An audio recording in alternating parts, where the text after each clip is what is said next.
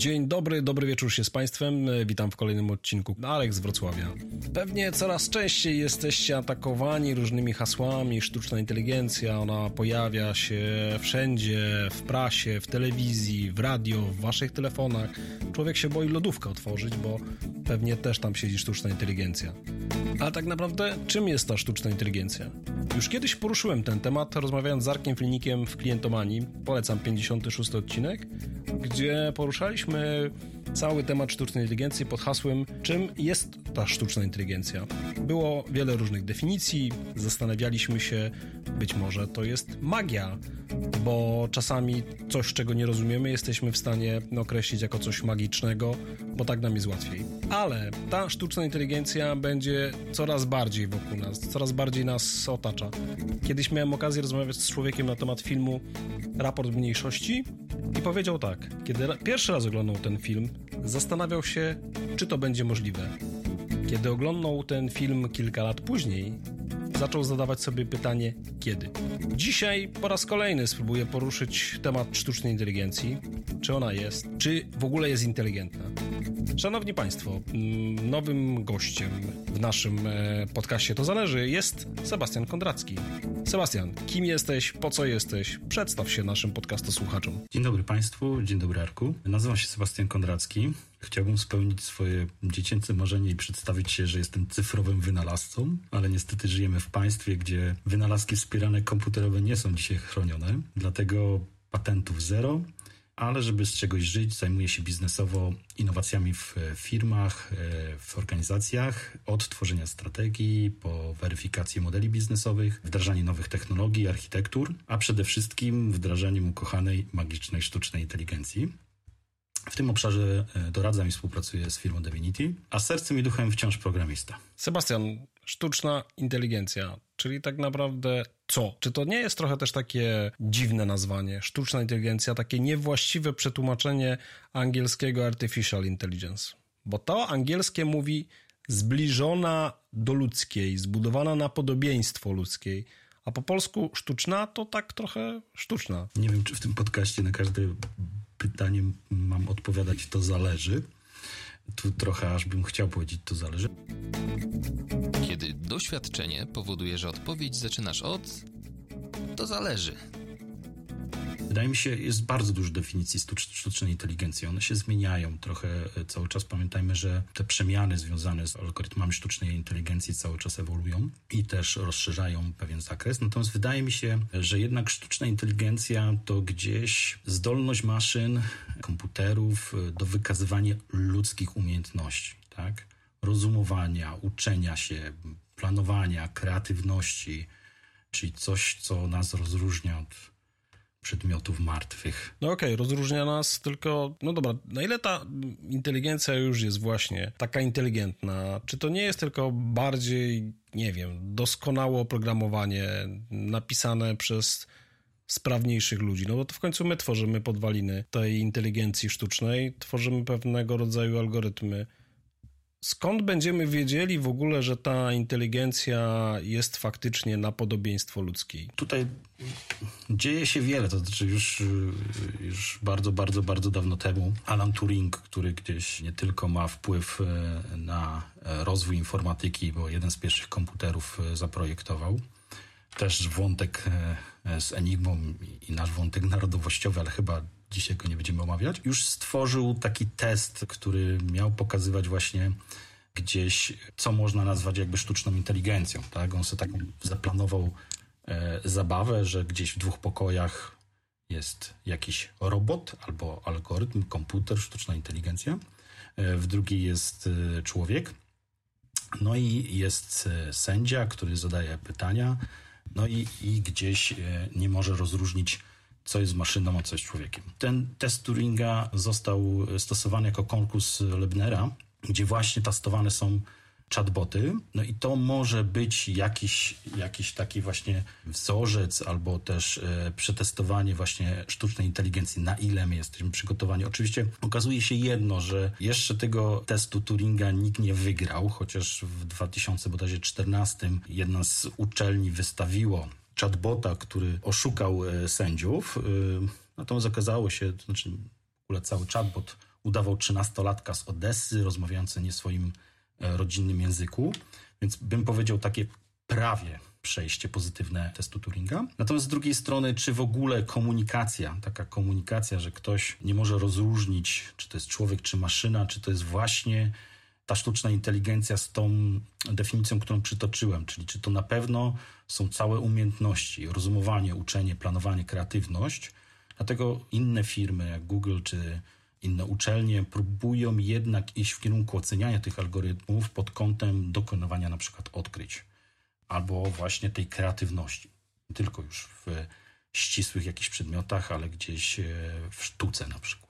Więc y, powiedziałbym, że ta sztuczna inteligencja rzeczywiście jest przełom, jeśli chodzi o algorytmy. Natomiast do tej takiej sztucznej inteligencji głównej, super sztucznej inteligencji, gdzie właśnie będzie tutaj maszyny będą całkowicie przejmą e, wszystkie te nasze ludzkie umiejętności, to jeszcze, jeszcze daleko. Popatrz, bo tak naprawdę z tym testem Turinga, to czy nie jest trochę tak, że my oceniamy tutaj zdolności komunikacji tej sztucznej inteligencji, ale z drugiej strony powiedziałeś, że szuka się jakichś innych sposobów oceny, na ile ona już jest samodzielna i funkcjonalna, bo to może być trochę na przykładzie ludzi. No, my też mamy różnego rodzaju umiejętności rozwinięte bardziej, albo różnego rodzaju talenty rozwinięte bardziej, więc chyba ten test Turinga jest troszeczkę taki zawężony, bo może się okazać, że pojawi się takie rozwiązanie sztucznej inteligencji, które może nie będzie poprawnie komunikować się z człowiekiem, może będzie się komunikować jakimiś zdawkowymi, nie wiem, zdaniami, ale na przykład będzie idealna właśnie, nie wiem, w odkrywaniu albo w rozwiązywaniu pewnych problemów, albo może się okazać, że będzie super w zakresie tworzenia muzyki. Dokładnie. Też wydaje mi się też z drugiej strony myślę, że już teraz algorytmy sztucznej inteligencji mają tą gładkość komunikacyjną. One bardzo fajnie rozmawiają, taki small talk potrafią naprawdę prowadzić idealny. Potrafią odpowiadać na pytania i ja myślę, że tutaj nawet złapiemy bardzo mocno takiego chatbota, bo jakbyśmy na przykład zadali człowiekowi pytanie, kto był premierem nie wiem, w Belgii w 1963 roku, to myślę, że bardzo mało osób potrafiłoby tej odpowiedzi udzielić. A myślę, że chatboty mający y, Wikipedię za sobą y, i z szybką możliwością wyszukiwania bardzo szybko nam odpowiedzą na takie pytanie. Więc y, wydaje mi się, że tutaj gładkość tej komunikacji już jest na wysokim poziomie. Wiedza też jest i to dużo, dużo większa. Natomiast cały czas mi się wydaje, że gdzieś jest ta um, rozumowanie, wyciąganie wniosków, właśnie dokonywanie jakichś odkryć. To jeszcze jest jeszcze przed nami długa droga. Na początku powiedziałem, że właściwie jesteśmy otoczeni hasłami o tej sztucznej inteligencji dookoła nas. Tak naprawdę faktycznie, jak otwieramy niektóre lodówki, to tam są jakieś takie zaawansowane algorytmy, które pewnie są w stanie zrobić zakupy na podstawie naszego zachowania.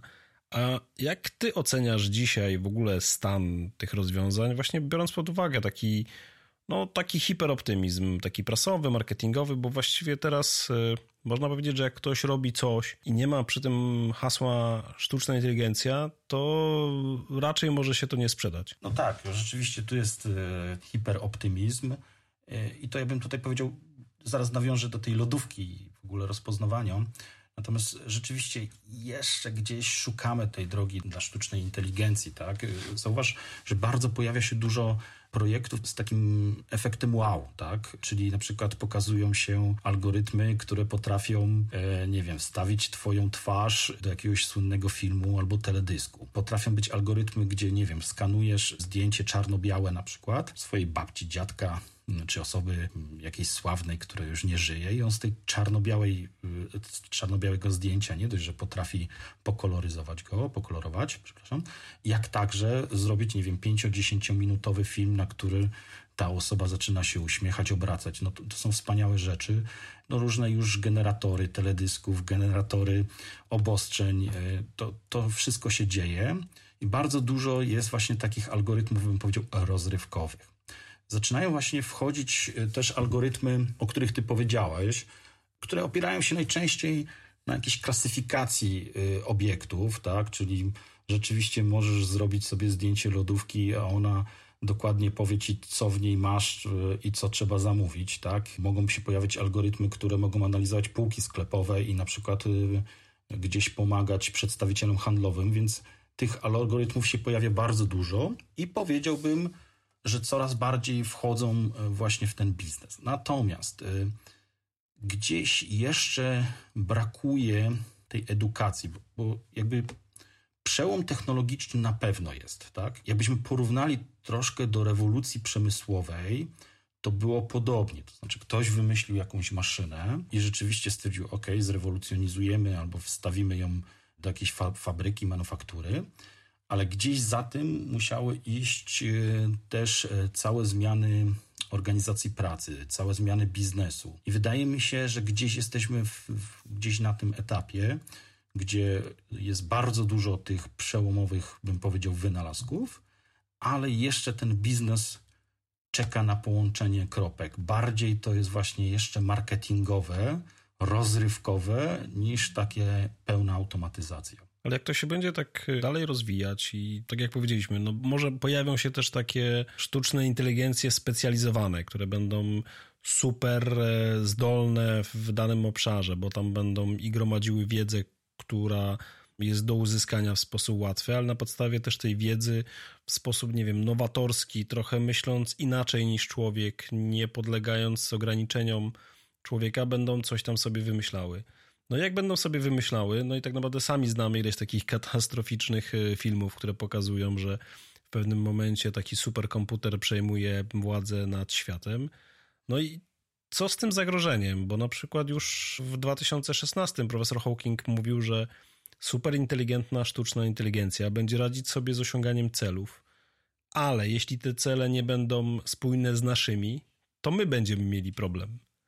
Jak ty to widzisz dzisiaj, takie zagrożenie? Ale to nie tylko Hawking, y, to też i Musk, y, i Bill Gates y, zaczęli, ja bym powiedział, trochę straszyć sztuczną inteligencją, ponieważ oczywiście tutaj te osoby są po prostu ogromny wkład, czy w biznes, czy w naukę tutaj mają, natomiast te apele były takie bardzo według mnie emocjonalne, tak? To nie były jakieś analizy naukowe, gdzie gdzieś ktoś dokładnie e, mówi, to takie były troszkę, o, bardzo duże zagrożenie, trzeba to nadzorować.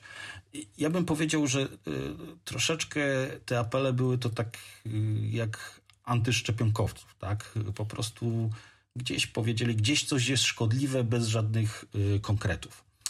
Wydaje mi się jednak, że gdzieś największą barierą właśnie u ludzi we wdrażaniu sztucznej inteligencji jest strach tak? Y, jest strach, bo to jest jakaś nowa e, technologia, e, bo ta automatyzacja czy sztuczna inteligencja może spowodować, że mnie zwolnią zaraz.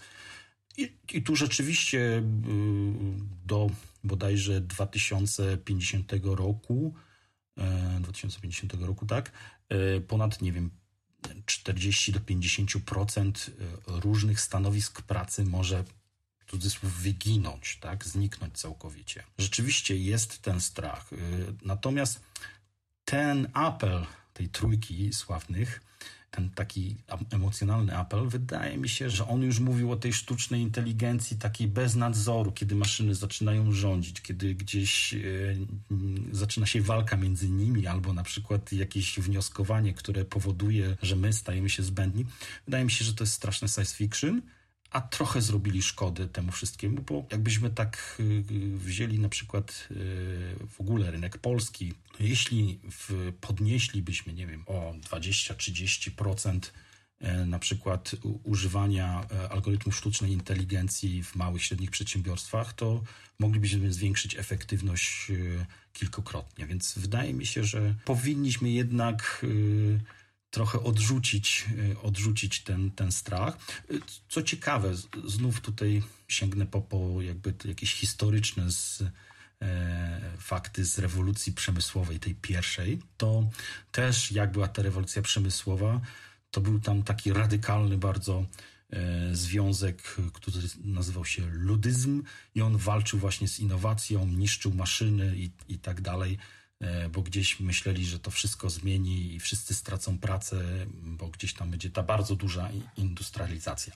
Co ciekawe, okazało się, że rzeczywiście zmieniło się ten obraz, bo niektóre zawody, e, zwłaszcza w rolnictwie czy właścicieli majątków, gdzieś tam stracili, no ale zbudowane zostało szereg miejsc pracy, służba zdrowia poszła i tak dalej, i tak dalej. Więc wydaje mi się, że to bardzo emocjonalne było te obawy, ten list czy ten apel do ludzi. Teraz wspomniałeś właśnie o tym luddyzmie. No i okej, okay, ludzie mieli wtedy obawy, bo nie rozumieli. Z drugiej strony ruch się urodził, bo, no bo ludzie byli zagrożeni, bo tak naprawdę jak się pojawiały te maszyny nowe, tkackie, tak naprawdę właściwie pierwsze komputery, można byłoby powiedzieć, no to tracili pracę. No i teraz kwestia, jak e, sobie z tym poradzić, no bo teraz tak mówisz, będzie sztuczna inteligencja, zwiększamy efektywność firmy, czyli myślimy o czymś, co jest firmą. Z jednej strony fajnie, tak? Myślimy o tym, o, nasza firma będzie bardziej efektywna.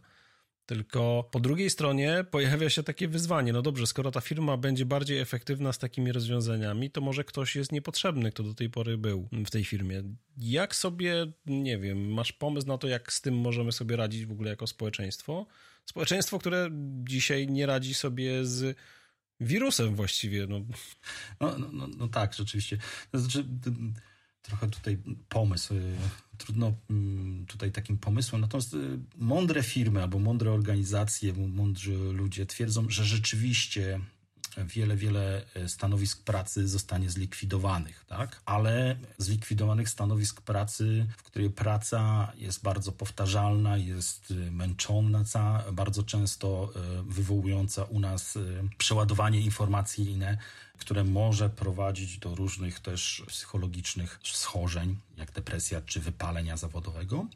Więc rzeczywiście tych zawodów bardzo dużo zniknie i tam ktoś szacuje nawet, że to może być, nie wiem, 100 milionów osób tam w roku, znów 2035 na przykład, przy czym nie przywiązujmy się do dat, bo nie mam tutaj tych badań przed sobą.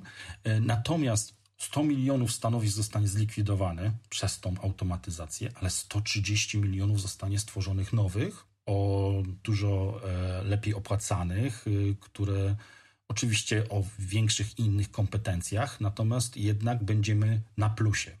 To znów wymaga rzeczywiście od nas pewnych zmian, więc wydaje mi się, jakby ta taka rewolucja trwała tak bardzo eksplozyjnie, czyli dzisiaj na przykład wdrożylibyśmy tą automatyzację i w ciągu miesiącu czasu rzeczywiście te 100 milionów osób by straciło pracę, to, to myślę, że to była jakaś tragedia. Ale ponieważ ten proces będzie trwał, trwał dość długo, więc jesteśmy w stanie się przygotować, to wydaje mi się, że rzeczywiście możemy stworzyć dużo więcej miejsc pracy, lepiej opłacanych, a tą pracę, która gdzieś wywołuje tam na jakiś nasz dyskomfort, nawet psychiczny, to tutaj zlikwidować. Więc chyba na plus. Przepraszam ci przerwę, ale rysujesz taką bardzo optymistyczną wizję świata, czyli nie bójmy się, bo będzie więcej niż mniej będziemy zarabiali więcej niż teraz, to tak jakoś wiesz, to tak no jest super, tylko co, no to będę opiekunem sztucznej inteligencji, będę miał takie stanowisko i za to ktoś mi zapłaci więcej, bo będę przychodził i patrzył, czy tam e, ktoś prądu nie odłączył, albo nie wiem, czy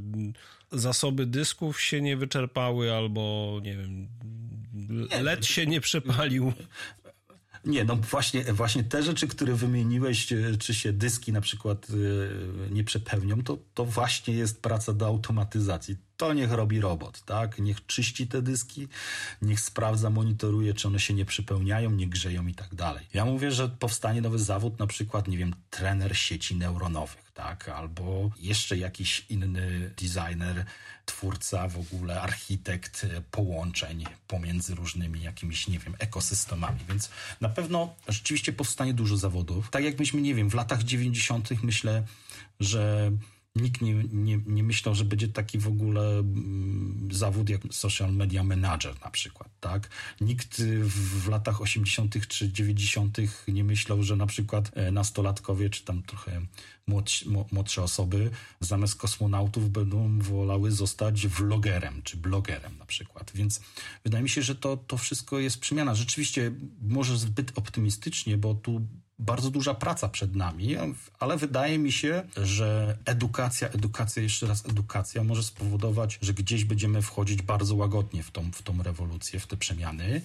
I na pewno na pewno takie apele emocjonalne tutaj nie pomagają, a o wiele lepiej byśmy się czuli, jakby ta, te osoby właśnie wsparły tą edukację, dostęp do otwartych danych, tak, wymianę tych danych. Być może w Polsce rzeczywiście to, co na początku powiedziałem, te wynalazki cyfrowe powinny być chronione, tak, żeby E, nie wiem, jeśli ktoś wymyśli rzeczywiście nowy algorytm sztucznej inteligencji, nie wiem, powodujący super kompresję albo cokolwiek innego, to niech ją opatentuje w Polsce i spokojnie idzie w tym świat już z patentem polskim, a nie żeby to powodowało właśnie, że najlepiej wyemigrować i gdzieś w Stanach Zjednoczonych to wszystko rozwijać. Być może optymistycznie to za, zabrzmiało. Ja jestem z natury optymistą, ale wydaje mi się, że można to przejść e, suchą stopą. Tak się to mówi? To zależy. Zależy od punktu patrzenia, a może widzenia. Powiedziałeś o edukacji. To jest chyba takie słowo klucz, które otwiera ten nasz optymizm, który powinien być.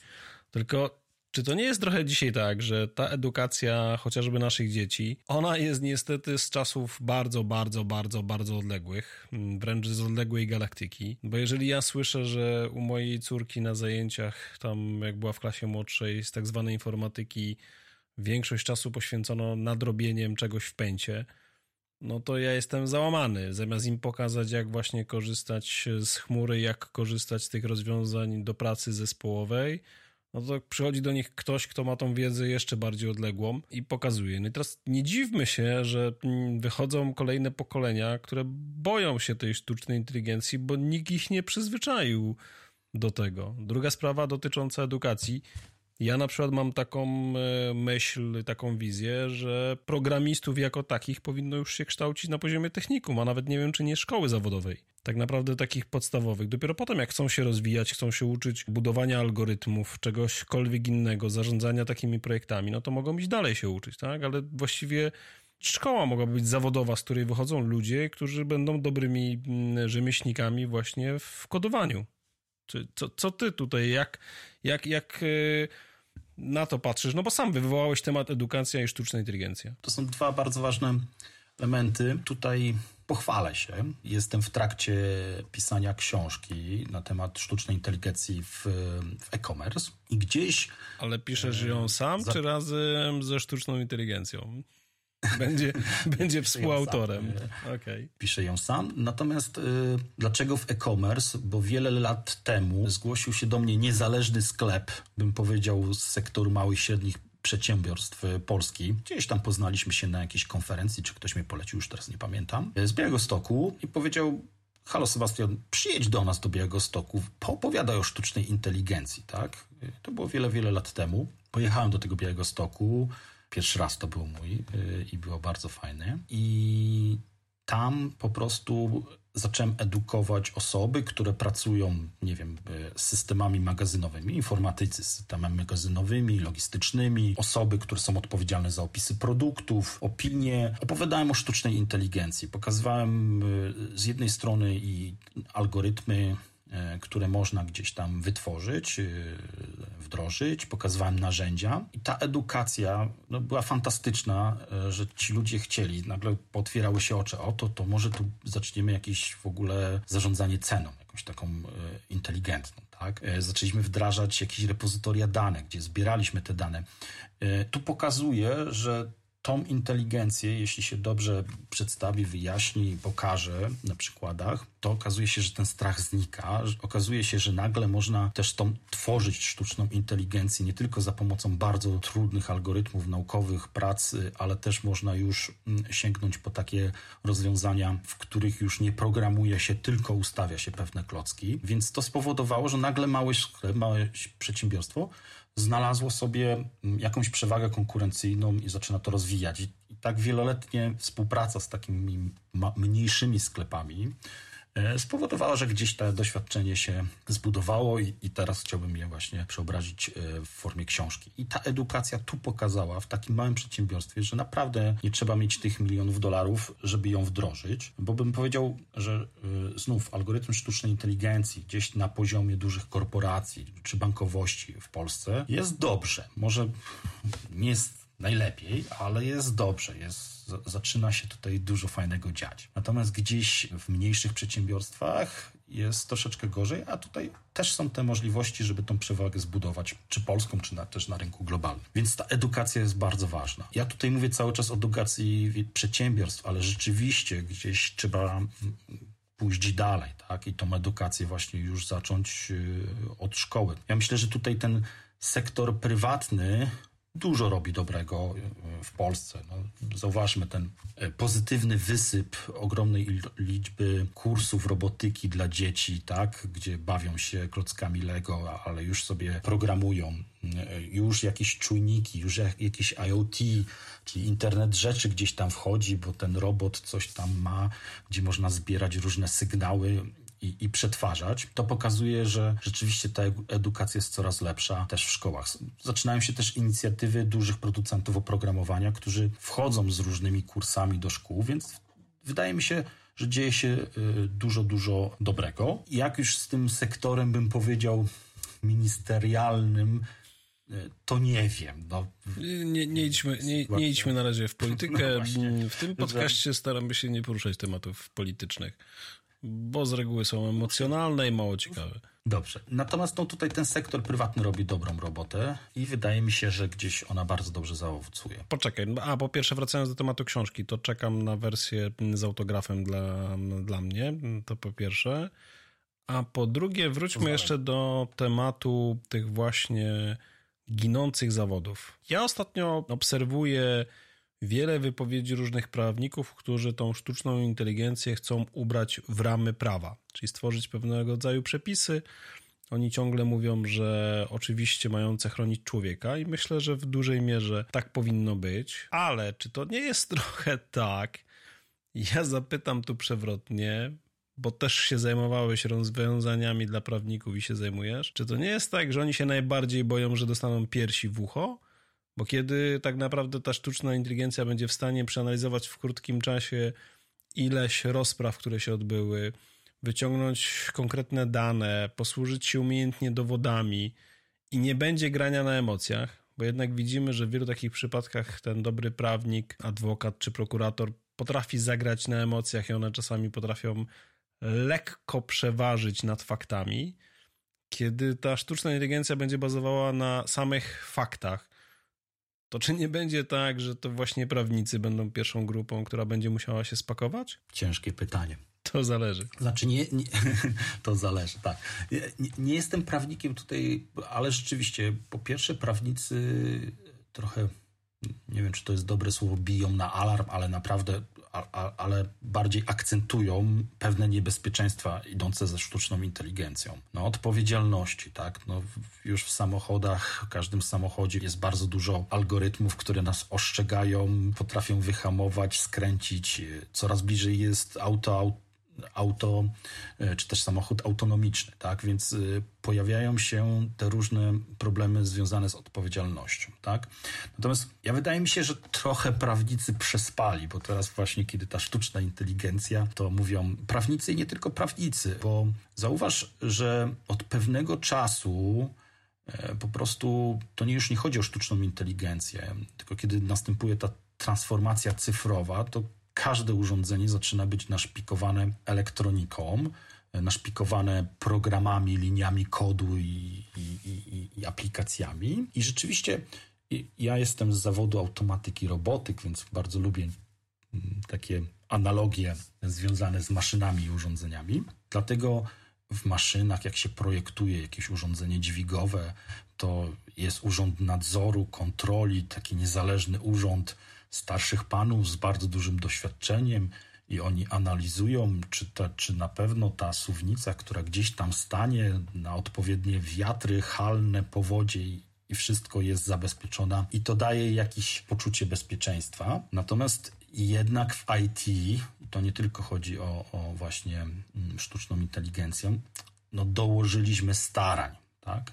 Jak sobie przejrzymy największe katastrofy informatyczne, bym powiedział, to na przykład jest e, taka sytuacja, że bodajże w latach 80. czy 90. E, jest maszyna do naświetlania jakiegoś najprawdopodobniej onkologicznego, która jest warta milion, bo to bardzo urządzenie e, bardzo drogie i ratuje tam wielu osób e, życie. Natomiast okazuje się, że program do tej maszyny wykonała jedna osoba, popełniła wiele błędów, no i spowodowała na końcu, że, że chyba sześć osób zmarło, a ileś e, było naświetlone dawkami promieniowania e, prawie 100 razy większymi. Nie było żadnych testów, Nawet podczas analizy tego kodu znaleziono kilka razy dzielenie przez zero, jeśli dobrze pamiętam. Więc to powoduje, że ta odpowiedzialność gdzieś, gdzieś została i prawna gdzieś przespana, tak? Gdzieś każdy nieraz czyta w regulaminach oprogramowania, że producent dołożył wszelkich starań, ale nie mamy żadnych jakichś tam norm, a później rzeczywiście jedziemy tą windą i o ile ona mechanicznie jest pod jakimś urzędem nadzoru, to tego softu i tych linii kodu tam nikt nie analizuje. Więc wydaje mi się, że ta sztuczna inteligencja to rzeczywiście jest pewna odpowiedzialność, no ale taka sama jak z algorytmami związana z IT. Gdzieś ten nadzór rzeczywiście powinien być. Ktoś powinien niezależny zbadać taki e, algorytm, e, który coś analizuje i podejmuje jakieś decyzje. Drugą obawą też prawników są prawa autorskie, tak? Czyli jeśli nagle ta sztuczna inteligencja e, zacznie komponować różne muzykę, zacznie sprzedawać, no to kto tu gdzie jest autorem? No jednak komputer to stworzył, jacyś programiści i tak dalej, i tak dalej. E, więc wydaje mi się, że to nie są jakieś rzeczy, które bardzo mocno blokują i też nie są rzeczy jakieś takie strasznie, które zmieniają postać prawa, ale mo może się mylę. Natomiast rzeczywiście to, co powiedziałeś, że zaczyna się w tym obszarze prawnym, że znów sztuczna inteligencja potrafi nam idealnie automatyzować różne rzeczy. I tu rzeczywiście w tych prawnych obszarach dużo, dużo rzeczy może być realizowanych automatycznie, analizowane. Natomiast wydaje mi się, że znów z jednej strony e, zmieni się znów struktura pracy, czyli rzeczywiście prawnicy, którzy dotychczas, nie wiem, tworzyli, analizowali umowy, może rzeczywiście zastąpią ich roboty, czy jakieś specjalne oprogramowanie. Natomiast z drugiej strony, no powstanie dużo, nagle umowy zaczną być pisane jakimiś regułami, gdzieś będą może przypominać bardziej język programowania, więc wydaje mi się, że to się zmieni. Z drugiej strony też ktoś e, te wszystkie analizatory, klasyfikatory będzie musiał też trenować, uczyć, e, więc wydaje mi się, że tutaj się znów zmieni ta mm, e, struktura właśnie stanowisk pracy i być może rzeczywiście ci prawnicy, którzy kiedyś właśnie analizowali, czytali, drukowali, później gdzieś tam e, prezentowali to na sali sądowej, być może już nie będą musieli robić, bo gdzieś to będą robił odpowiednie algorytmy. Natomiast e, tutaj są pewne różne rzeczy, które się tworzą, na przykład e-sąd, który gdzieś można przesyłać elektronicznie. Natomiast jeszcze tam wnioskowanie cały czas jest ludzkie, ale znów automatyzacja przesyłania tych pozwów e, już jest na, duż, na dużo e, wyższym poziomie. Trochę tego słuchałem.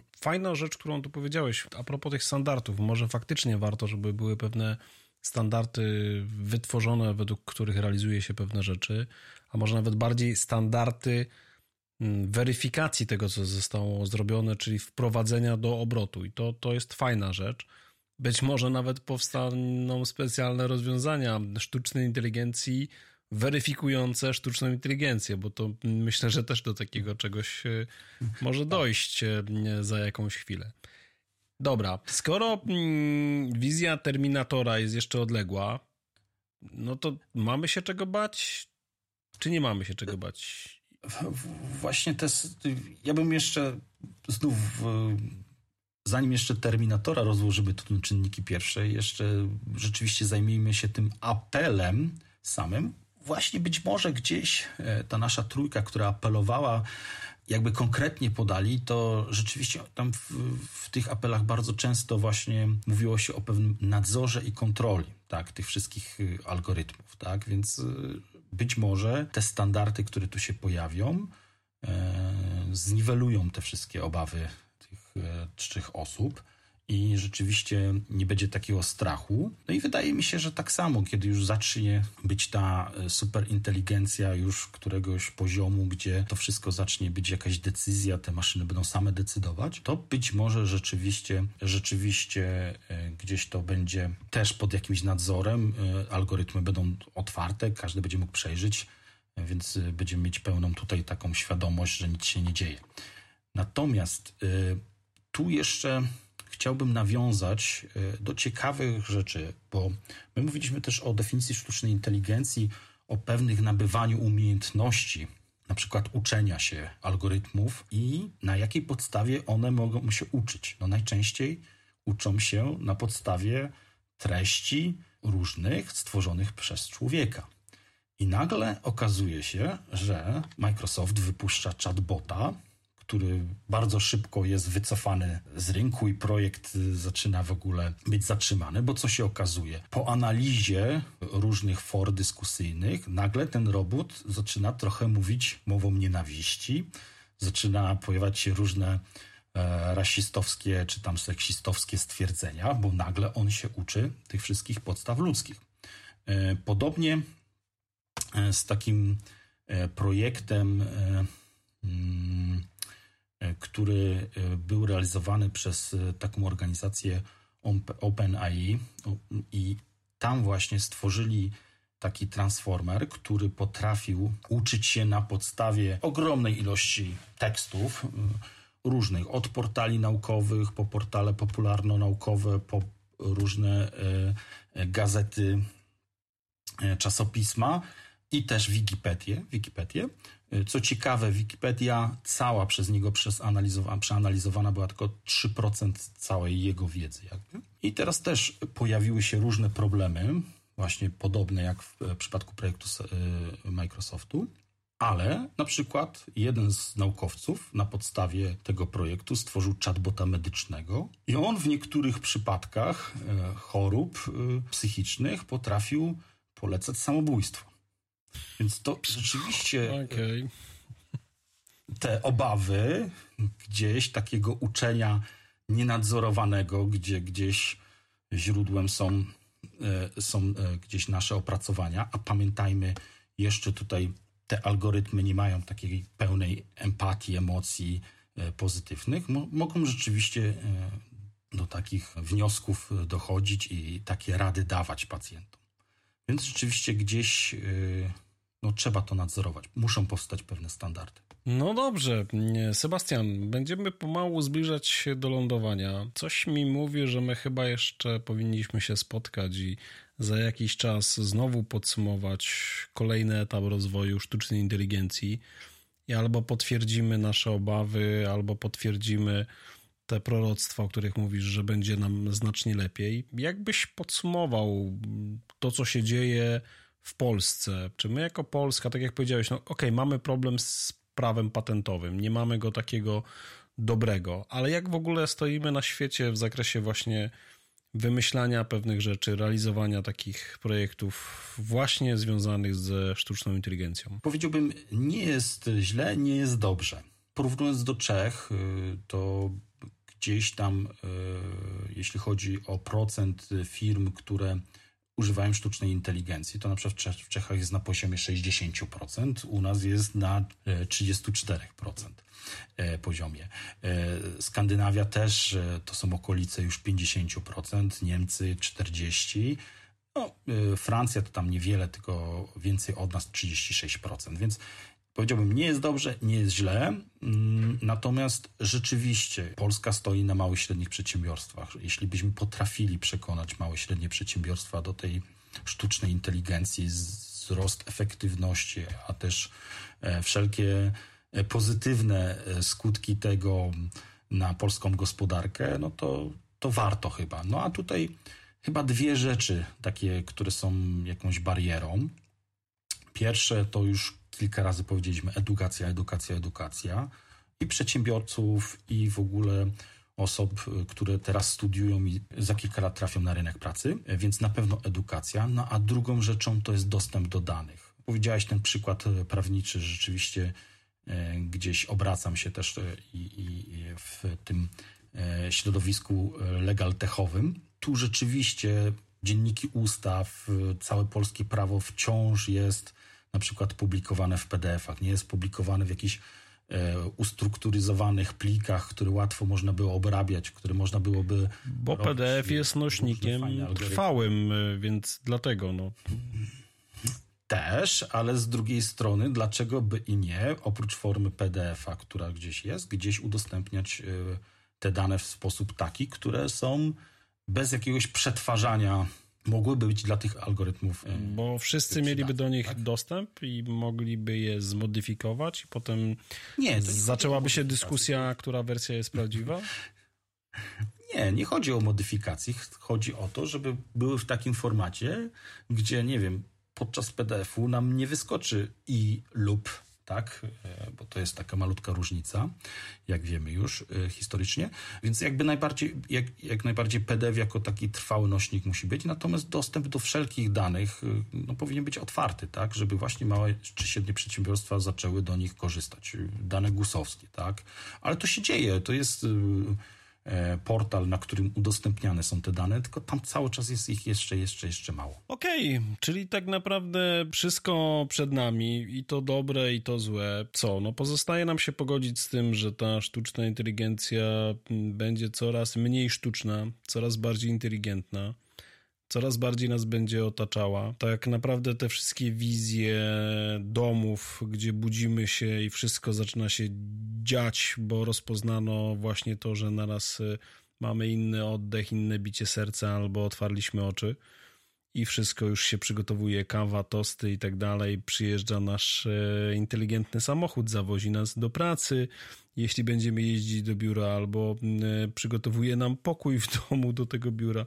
Jak sam to mówię, to zaczynam być przerażony. Sebastian, będzie dobrze, czy będzie... Dlaczego przerażony? Nie rozumiem. Nie, tak, tak, jest, tak, tak, tak zaczynam sobie myśleć, że właściwie to tylko co, to będę kupą mięsa, która będzie funkcjonowała w świecie sztucznej inteligencji. Być może, nie wiem, może ta sztuczna inteligencja za chwilę coś będzie ze mną robiła, czyli spełni się taki matrix. Może nawet nie będę funkcjonował, tylko będę podpięty do czegoś i będzie mi generowana wizja, jakie to moje życie jest fajne, a ja się stanę pokarmem e, dla tych wszystkich maszyn. Będę źródłem energii, taką baterią biologiczną. No, ja mam nadzieję zupełnie innej przyszłości. Ja mam nadzieję, że, że sztuczna inteligencja będzie cały czas czuwała, co w mojej lodówce, czego w mojej lodówce czy w moim domu brakuje, znała moje upodobania i wszystko mi zamówi. E, będzie potrafiła wybrać e, takie, nie wiem, mięso czy warzywa, jak, i czy ryby, jakie lubię, dzięki czemu będę miał więcej czasu. Mam nadzieję, że sztuczna inteligencja, inteligencja zautomatyzuje e, wszelkie rzeczy, które teraz zrobię w pracy i których bardzo, bardzo nie lubię. E, puszczanie przelewów, e, przygotowywanie, nie wiem, jakichś dokumentów dla księgowych lub e, innych e, pracowników e, sformalizowanych i wtedy być może za tą samą pensję będę mógł pracować na przykład 4 godziny w tygodniu, 4 godziny dziennie. Nie będę musiał jeździć. Ta wersja 4 godziny w tygodniu tak. podoba mi się. To zaczyna mi się podobać, okej? Okay? Tak, nie, nie będę musiał odwiedzać, przepraszam, galerie handlowe teraz mają bardzo złe czasy i pewnie ten, nie będę musiał odwiedzać galerii handlowej, bo tego bardzo nie lubię, tylko niech ten robot już zrobi te zakupy. Bardzo lubię podróżować i mam nadzieję, że te, czyli, ten czas. Czyli, czyli wizja Jetsonowie, Jetsonowie i gospodyni domowa tak. jadąca po zakupy, tak? Dokładnie, więc y, no nie narzekajmy, Arku. Wydaje mi się, że nie, ja nie narzekam, próbuję tylko znaleźć w tym wszystkim równowagę, bo z jednej strony ta technologia mnie cieszy i, i ją lubię, doceniam, ale z drugiej strony czasami powoduje, że jakiś taki aspekt lenistwa się gdzieś tam włącza, bo właściwie to coś zrobi za mnie, tak? Jeżeli już teraz mój brat kupuje czajnik elektryczny, który może włączyć z łóżka, jak wstanie, żeby mu się woda zagotowała, Oczywiście myślę, że jak go dobrze jeszcze tam przygotuje, to tam ta woda będzie inna czujka, będzie wlewała wodę do tego czajnika. No, mm, sorry. Jakby... Sam się zaczynam z tego śmiać, chociaż jestem taki mm, też technologiczny. Chyba jednak e, bądźmy go digital, be human w tym wszystkim. Sebastian, bardzo Ci dziękuję za tą rozmowę. Trzymam kciuki za Twoją książkę, czekam. A to będzie drukowana, czy już od razu e, e, e-book? Drukowana. Będzie drukowana. Będzie żeby drukowana. żeby zachować dla podobnych. Trzymam kciuki. Tak, e, czekam na wydanie książki i tak jak powiedziałem, myślę, że wrócimy do tej naszej rozmowy za jakiś czas. Zrobimy sobie takie podsumowanie, a może jak ja będę miał ciągle siły prowadzić ten e, podcast, to może sobie tak ustalimy, że raz na rok, na półtora będziemy robili właśnie takie spotkanie podsumowujące, co się wydarzyło w świecie sztucznej inteligencji, komentują Sebastian Jarek. Może dostaniemy brawa od sztucznej inteligencji. I postaram się nie wysyłać chatbota. Dziękuję Ci bardzo. Szanowni podcastu słuchacze, dziękuję Wam bardzo za to, że z nami byliście przed ten odcinek. Zapraszam na nowe, one niebawem. Żegnam się serdecznie z Wrocławia Arek. Moim gościem był Sebastian. Dziękuję bardzo i dobranoc. A gdzie możecie nas znaleźć? To zależy. Ale głównie online. W zasadzie tylko online. W każdym razie nowe odcinki niebawem. To pa.